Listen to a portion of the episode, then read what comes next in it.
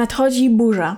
Burza pomysłów na to, co zrobić ze sobą, gdy jesienno-zimowe miesiące zagaszczają się u nas na dobre i robią z nas smutne, ziewające bloby. Cześć, tu Magda Owsiany, a to jest podcast Burza w mózgu. Pokazuję tu osobom głodnym tworzenia, jak mogą szukać swojej ścieżki w życiu i opowiadam o kreatywnych pasjach. Jeśli chcesz zacząć tworzyć albo nie wiesz, co zrobić ze swoim życiem, to jesteś w dobrym miejscu. Od kiedy zakończyłam edukację szkolno-akademicką, to jesień przestała wywoływać u mnie gulę w gardle. To jeden z uroków dorosłości, że to ja decyduję, czego się uczę i odkrywam.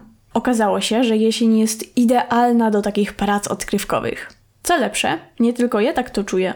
Istnieje nawet termin określający ten nasz pociąg do zmian i nauki jesienią September Reset. Gdy dzieci idą do szkoły, to rodzice i inni dorośli, którzy przez ostatnie miesiące korzystali z uroków lata, zyskują czas, by wypełnić zaległe postanowienia noworoczne i oddać się nauce. Jesień jest drugim nowym rokiem. I ten podcast jest o szukaniu swojej pasji i albo pomysłu na siebie. Dlatego w tym odcinku przygotowałam listę jesiennych zajawek i aktywności, dzięki którym nie spędzisz każdego wieczoru na oglądaniu seriali.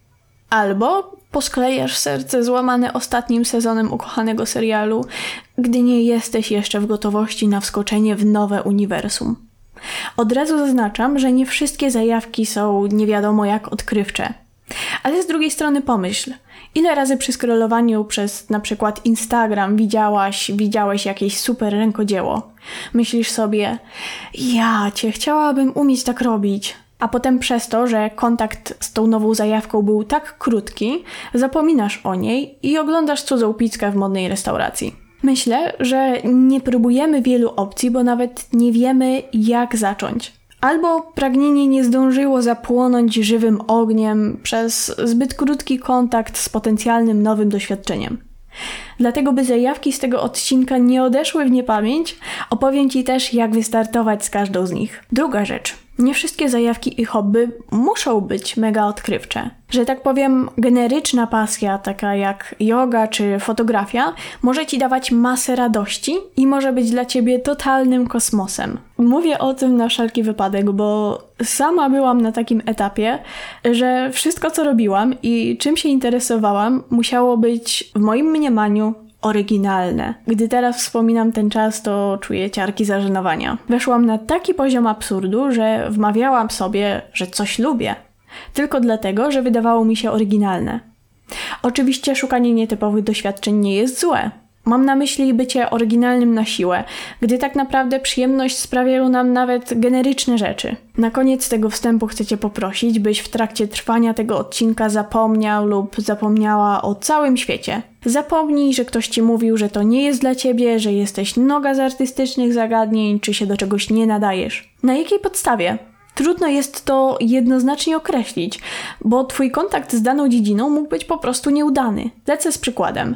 Może w Twojej szkolnej karierze pojawił się wspaniały nauczyciel, który sprawił, że znienawidzony przedmiot nagle stał się fascynujący. I w drugą stronę. Kiepski prowadzący jest w stanie obrzydzić nawet najbardziej intrygujący temat. Dlatego proponuję, by odłożyć przekonanie na bok, testować i bardziej skupić się na swoim wnętrzu niż na, wydaje mi się, otoczenia. Nawet gdy coś ci nie wyjdzie, to warto wziąć kartkę i wypisać, co w danej zajawce mi się podobało, a co nie. Takie doświadczenia mogą nadać ci kierunek do dalszych poszukiwań. Pewnie już myślisz, że o Jezu, po co taki długaśny wstęp? Ano po to, żeby pomóc Ci wynieść z tego odcinka jak najwięcej przydatnych informacji. Albo choć trochę pomóc w zmianie myślenia na temat pasji, hobby i tego, co wolno, wypada i co inni powiedzą. I teraz możemy przejść do konkretnych zajawek. I pierwsza zajawka to biżuteria z koralików. Jeśli interesują Cię modowe sprawy i oglądanie stylówek, to być może na szyjach wielu modnych osób widziałaś lub widziałeś krótkie naszyjniki z barwnych koralików, wyglądających jak cukierki. Te urocze akcesoria wpisują się w ciekawy trend rosnący w siłę po pandemii dopamine dressing. Jest to sposób ubierania się, który ma wywoływać w twórcy lub twórczyni stylowy radość i poczucie komfortu. Na wybiegach i na ulicach przejawia się tym, że pojawia się coraz więcej kolorowych ubrań. Choć obecność koloru nie jest obowiązkowa. Przecież szczęście możemy odczuwać i w cukierkowo-różowej sukience, i w najzwyklejszych jeansach. Koralikowa biżuteria może zagwarantować wyrzut dopaminy w wielu wariantach. Możemy ją wykonać w stonowanych kolorach albo postawić na barokowy przepych. Naszyjnik pod kolor oczu może być doskonałym prezentem dla przyjaciółki albo mamy, a w dalszej perspektywie sposobem na dorobienie sobie do biednego studenckiego budżetu albo zalążkiem nowego biznesu. Perspektywy brzmią mega przyjemnie. Ale jak można zacząć działać? Większość filmów i instrukcji tworzenia biżuterii jest po angielsku. Podlinkuję kilka przykładowych instrukcji pod tym odcinkiem. Praktyczne wskazówki możesz znaleźć też na Pinterestie pod frazą Beats Necklace Tutorial. To także kopalnia inspiracji, można podejrzeć masę ciekawych pomysłów i rozwiązań. Pamiętaj tylko, żeby nie kopiować cudzych pomysłów jeden do jednego, zwłaszcza jeśli chcesz sprzedawać swoje wyroby, bo to jest po prostu kradzież własności intelektualnej. Z racji tego, że przygotowałam Ci tutoriale głównie po angielsku, a pewnie będziesz szukać komponentów do biżuterii w języku polskim, to prezentuję Ci mały słownik z potrzebnymi narzędziami i półproduktami. Będziesz potrzebować cienkiego drucika jubilerskiego do biżuterii oraz koralików. Jeśli chcesz robić również bransoletki albo koralikowe pierścionki, to przyda się też elastyczna gumka. A do niej z kolei warto mieć igłę, żeby wygodnie przewlekać gumkę przez koraliki. Przy wyborze drucika warto zwrócić uwagę na średnicę koralików i średnicę drucika, bo podczas mojej przygody z ręcznie robioną biżuterią okazało się, że bardzo drobne koraliki nie przeciskają się przez żyłkę. Życie jest nowelą raz wrogą, a raz wrogą. A teraz przejdziemy do najprzyjemniejszej części, czyli koralików. Mogłabym je oglądać godzinami, a część nawet zjeść, bo są takie piękne. Warto znać nazwy koralików, żeby w ogóle wiedzieć, co mamy do dyspozycji i na co warto zwrócić uwagę. Chyba najpopularniejsze na rynku koraliki szklane to japońskie toho i koraliki czeskie. Mają gigantyczną rozpiętość kolorów, kształtów i po kilka rozmiarów. Wykorzystując tylko te koraliki można stworzyć subtelne cuda. Szeroki wybór tych koralików znajdziesz w sklepie Royal Stone. Gdy trwała moja zajawka biżuteryjna, to spędzałam tam długie godziny na wybieraniu idealnych kolorów. Ale na szklanych koralikach nasze możliwości się nie kończą. Naszyjniki można urozmaicić zawieszkami albo koralikami z kryształów, albo kamieni naturalnych. Warto zwrócić uwagę też na perły, zwłaszcza te o nieregularnym kształcie. Podoba mi się też użycie koralików z uśmiechniętymi buźkami albo koraliki z literami z alfabetu ułożonymi w słowa, które są ważne dla osoby noszącej. Na przykład stanowiły jej motto, albo po prostu ładnie brzmią. Te półprodukty można znaleźć po prostu w Google'ach. Wystarczy wpisać odpowiednią frazę, na przykład koraliki różowy kwarc. Warto znać też nazwy elementów przydatnych do robienia zapięć i zabezpieczania koralików przed rozsypaniem się. Najbardziej typowe zapięcie nazywa się karabinczyk. To taki zamknięty haczyk z jinxem, który przesuwa się w dół, by otworzyć dostęp do haczyka. Zapamiętaj albo zapisz też nazwę tulejka. To taka rurka, do której wkłada się końcówka sznurka lub druciku, na który nawlekliśmy koraliki. Zazwyczaj zakończona jest kółkiem, o które można zaczepić karabinczyk i zapiąć naszyjnik. Innymi półproduktami do zabezpieczenia końców naszyjnika są zaciski do biżuterii i łapaczka. Z narzędzi na początek wystarczą cążki, trudne słowo, do precyzyjnego skręcania drucików. Ja na przykład używałam takich, które mają stożkowate szczypce, bo dzięki nim możesz precyzyjnie wykańczać końcówki naszyjnika i tworzyć pętelki z druta. Akcesoriami dodatkowymi są cążki pomagające zawijać druciki, by nie zleciały z nich koraliki oraz obcinaczki do drucików żeby nie niszczyć domowych nożyczek. Protip od człowieka cebuli. Nożyczki do drucików wyglądają tak samo jak cążki do skórek i bardzo podobnie działają. Tak, używałam cążków do skórek do cięcia drucików. Jeśli nie chcesz kompletować tych wszystkich elementów na własną rękę, to na Allegro są gotowe zestawy startowe. Podlinkuję do kilku ofert z różnymi zasobami. Jeśli jesteś na moim newsletterze z kreatywnymi linkami i zaglądasz do niego od czasu do czasu, to pewnie wiesz, że ostatnio intryguje mnie trend watching, czyli praca polegająca na obserwacji i wyłapywaniu trendów, które mogą kształtować naszą przyszłość. Mówię mogą, ponieważ istnieje wiele scenariuszy przyszłości, zarówno pozytywnych, jak i totalnie katastroficznych. Wiele z nich potrafimy dojrzeć, bacznie obserwując świat. Warto zainteresować się tematem choćby dlatego, żeby zaobserwować specjalistów zajmujących się trendami i czytać o możliwych scenariuszach, bo to jest po prostu fascynujące. Można sobie zrobić z tego swój prywatny powrót do przyszłości. Ale trendy nie są przydatne tylko do śnienia na jawie. Żeby nam służyły, na przykład przy wymyślaniu produktów do naszego biznesu, możemy uważnie obserwować swoje otoczenie. Oczywistym przykładem jest biznes mody. Choć trendy to słowo kojarzone głównie z modą, to nie są zarezerwowane tylko dla niej. Przykładowo, ja mogę korzystać z trendów poprzez wyłapywanie kompetencji przydatnych na rynku pracy i trendujących zajawek które potem mogę Wam pokazać w podcaście. Żeby sprawdzić, czy obserwacja trendów Cię rajcuje, wystarczy wycieczka na polskiego Instagrama. O trendach ciekawie opowiadają dwie mądre kobiety. Pierwszą i zdecydowanie mówiącą o trendach najwięcej, przynajmniej w mojej bańce i z tego co ja się dokopałam, jest Monika Borycka z konta trendradar.pl. Znajdziesz u niej dużo treści tłumaczących podstawy trendwatchingu oraz ciekawe przewidywania na przyszłość. Szczególnie polecam wyróżnione relacje na temat kształtu postpandemicznego świata. Plus w relacjach często pojawiają się trendowe prasówki pokazujące konkretne kierunki, w jakich może pójść przyszłość. Z kolei Ciało Basia opowiada stricte o trendach modowych.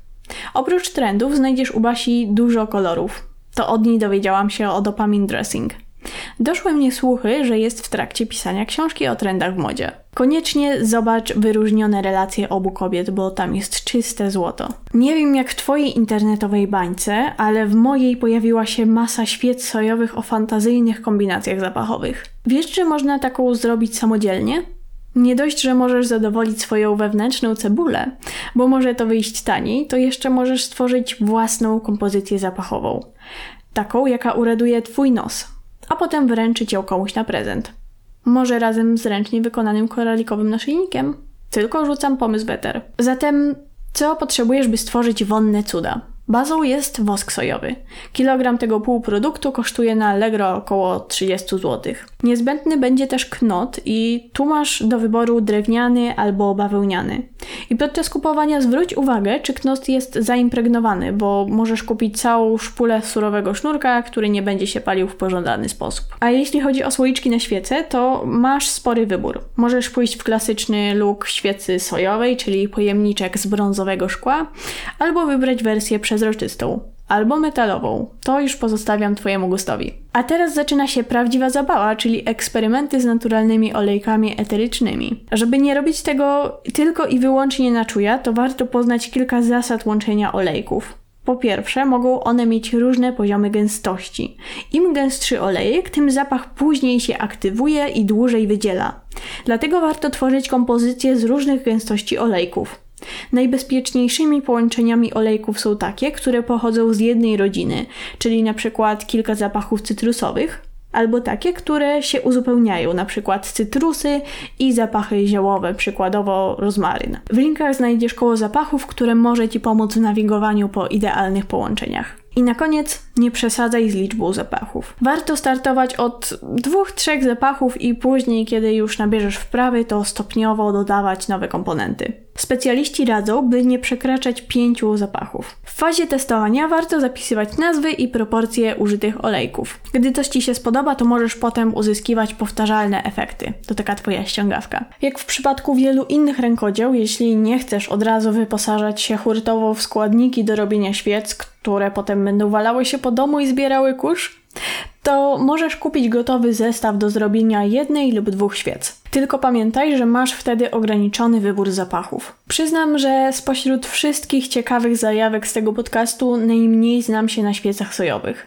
więc w tym przypadku szybko oddaję głos innym. W linkach znajdziesz bardzo dokładny przewodnik po samym procesie robienia świec sojowych od polskiej firmy Cztery Szpaki. Dorzucam też kilka źródeł na temat łączenia olejków eterycznych. A teraz przejdziemy do chyba najbardziej relaksującego sposobu na jesień z tego zestawienia, czyli do haftowania. Tutaj wszystkie chwyty są dozwolone. Możesz haftować kwiatuszki albo przekleństwa i koślawe ludziki, nawet jeśli nie umiesz ich pięknie narysować. W sumie to nawet lepiej, jeśli nie umiesz narysować wymuskanego wzoru, bo efekt będzie po prostu śmieszniejszy. Kiedyś w ramach rozrywki i śmieszków wrzuciłam na Instagrama moje paskudne rysunki zwierząt. Rysowałam koślawo i tak brzydko, że patrząc na moje dzieła parskałam śmiechem.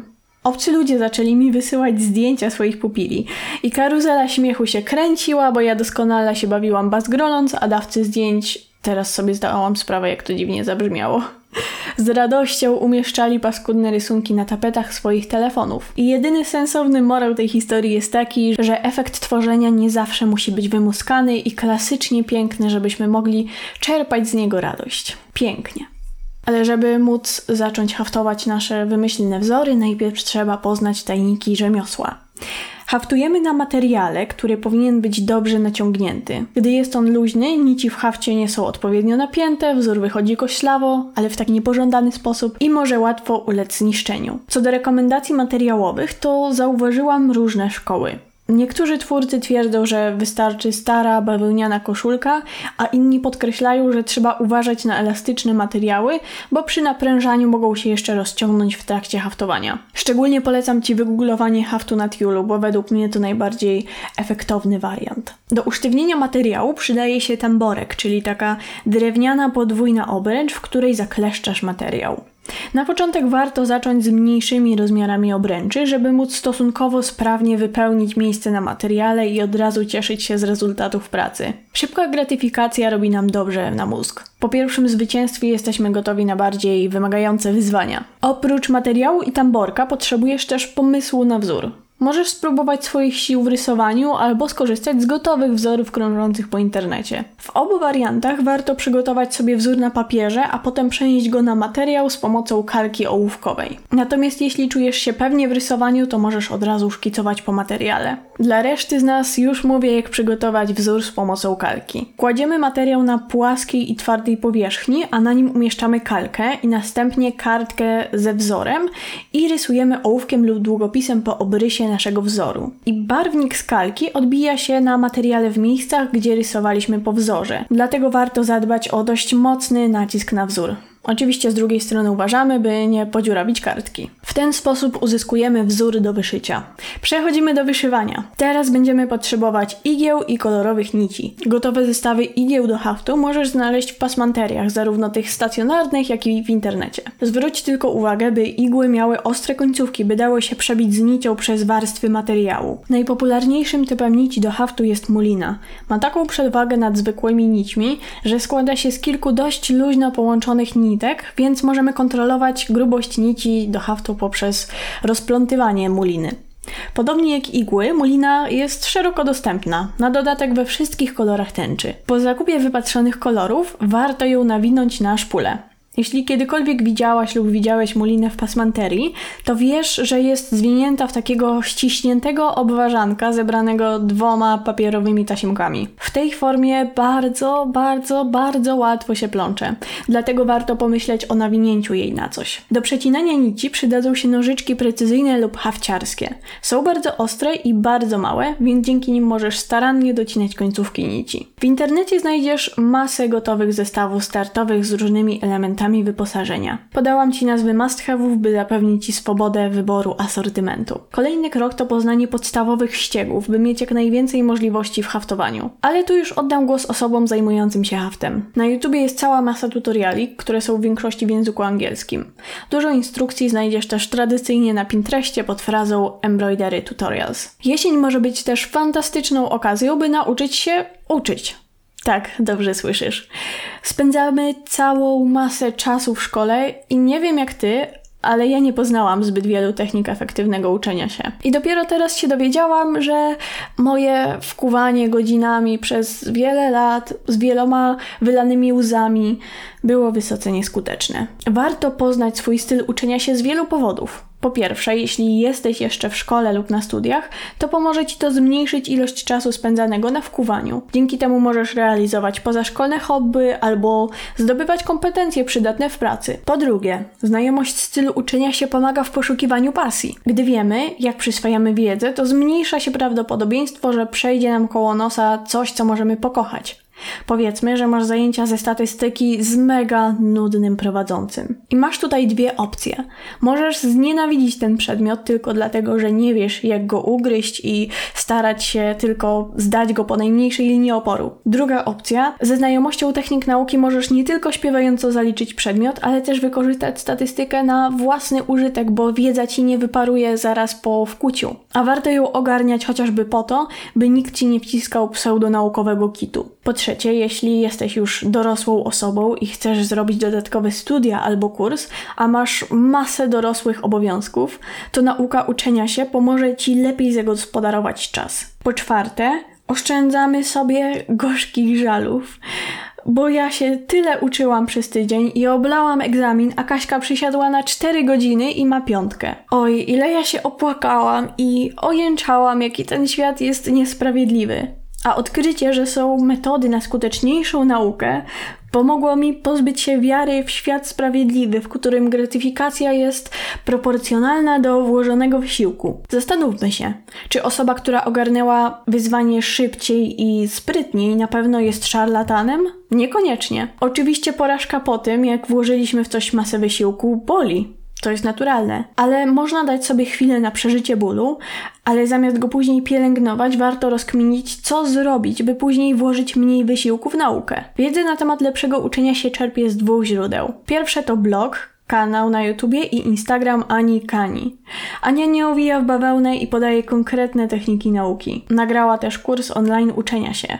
Dzięki Ani zaczęłam robić notatki z przeczytanych książek w formie map myśli i poznałam metodę nauki Active Recall. Drugie źródło jest anglojęzyczne, to kanał Study Quill. Tam też znajdziesz konkretne wskazówki skutecznej nauki, produktywności i obalanie szkodliwych mitów. Dowiedziałam się z niego, że popełniałam kardynalny błąd ucząc się w łóżku i przepisując notatki. No cóż, lepiej się tego dowiedzieć późno niż później, co nie? Mogę się jeszcze czegoś nauczyć. Zanim w euforii rzucisz się na kuloodporne sposoby na naukę, muszę Cię ostrzec, że raczej nie ma czegoś takiego jak uniwersalna metoda nauki dla każdego. Dlatego, by odkryć swój styl uczenia się, trzeba testować. I tu pojawia się kolejna pułapka. Możemy wpaść w niekończący się ciąg odkrywania nowych technik. Po poznaniu techniki warto ją wypróbować, sprawdzić, czy mi podchodzi i dopiero później odkrywać kolejne. Mówię o tym z doświadczenia. Pochłaniałam godziny materiałów o skutecznej nauce i przez to byłam tak zarobiona, że czułam się jakbym już odwaliła całą robotę i zamiast stosować wspomniane metody w praktyce, niesiona euforią inspiracji, ładowałam się prosto w stare nawyki. Brawo, Magdo. I ostatnią rzeczą będzie coś dla ciała, czyli face fitness. Może o nim słyszałaś, słyszałeś pod nazwą yoga twarzy. Są to ćwiczenia mające na celu wymodelowanie twarzy i wzmocnienie jej mięśni bez skalpela. Wiem, że to być może brzmi trochę dziwacznie, a może nawet próżnie, i to były moje pierwsze przekonania, a potem mi przeszło i pomyślałam, ha, podniosę sobie powieki.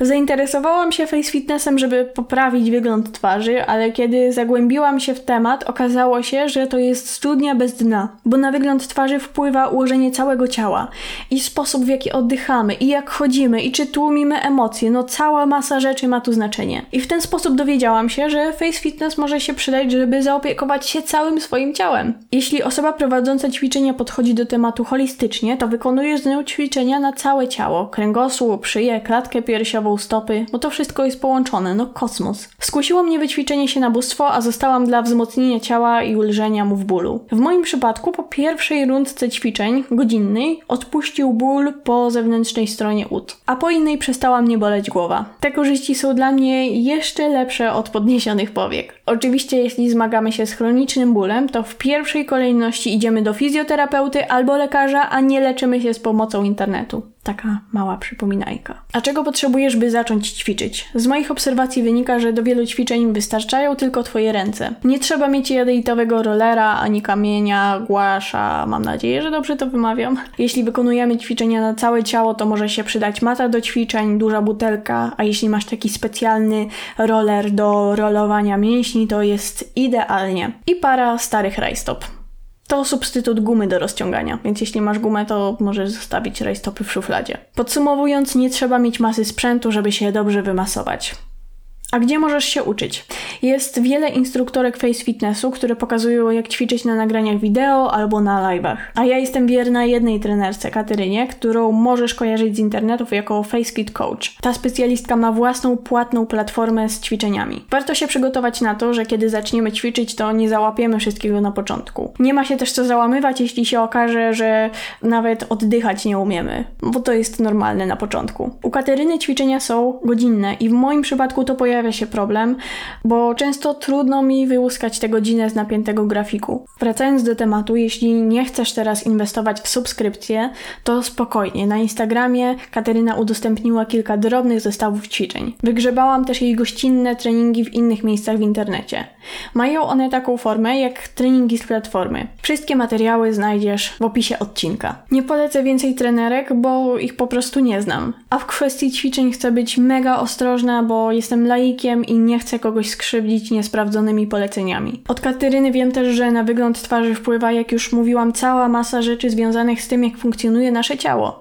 Dlatego jeśli szukałabym jakiejś innej osoby prowadzącej treningi, to najpewniej obejrzałabym jej materiały pod kątem tego, czy mówi o poprawnym ułożeniu ciała podczas ćwiczeń, czy zwraca uwagę na typowe błędy przy wykonywaniu ćwiczenia oraz czy w międzyczasie przypomina o poprawnej postawie i czy skupia się na całej sylwetce, czy tylko na twarzy. Takie drobiazgi bardzo poprawiają komfort ćwiczeń. Zmniejsza się też ryzyko, że gdy na przykład za bardzo skupisz się na jednej czynności, to przez całe ćwiczenie nie będziesz mieć poprawnego ułożenia innej części ciała, bo osoba prowadząca zadba o to, żeby przypominać ci na przykład o napięciu brzucha.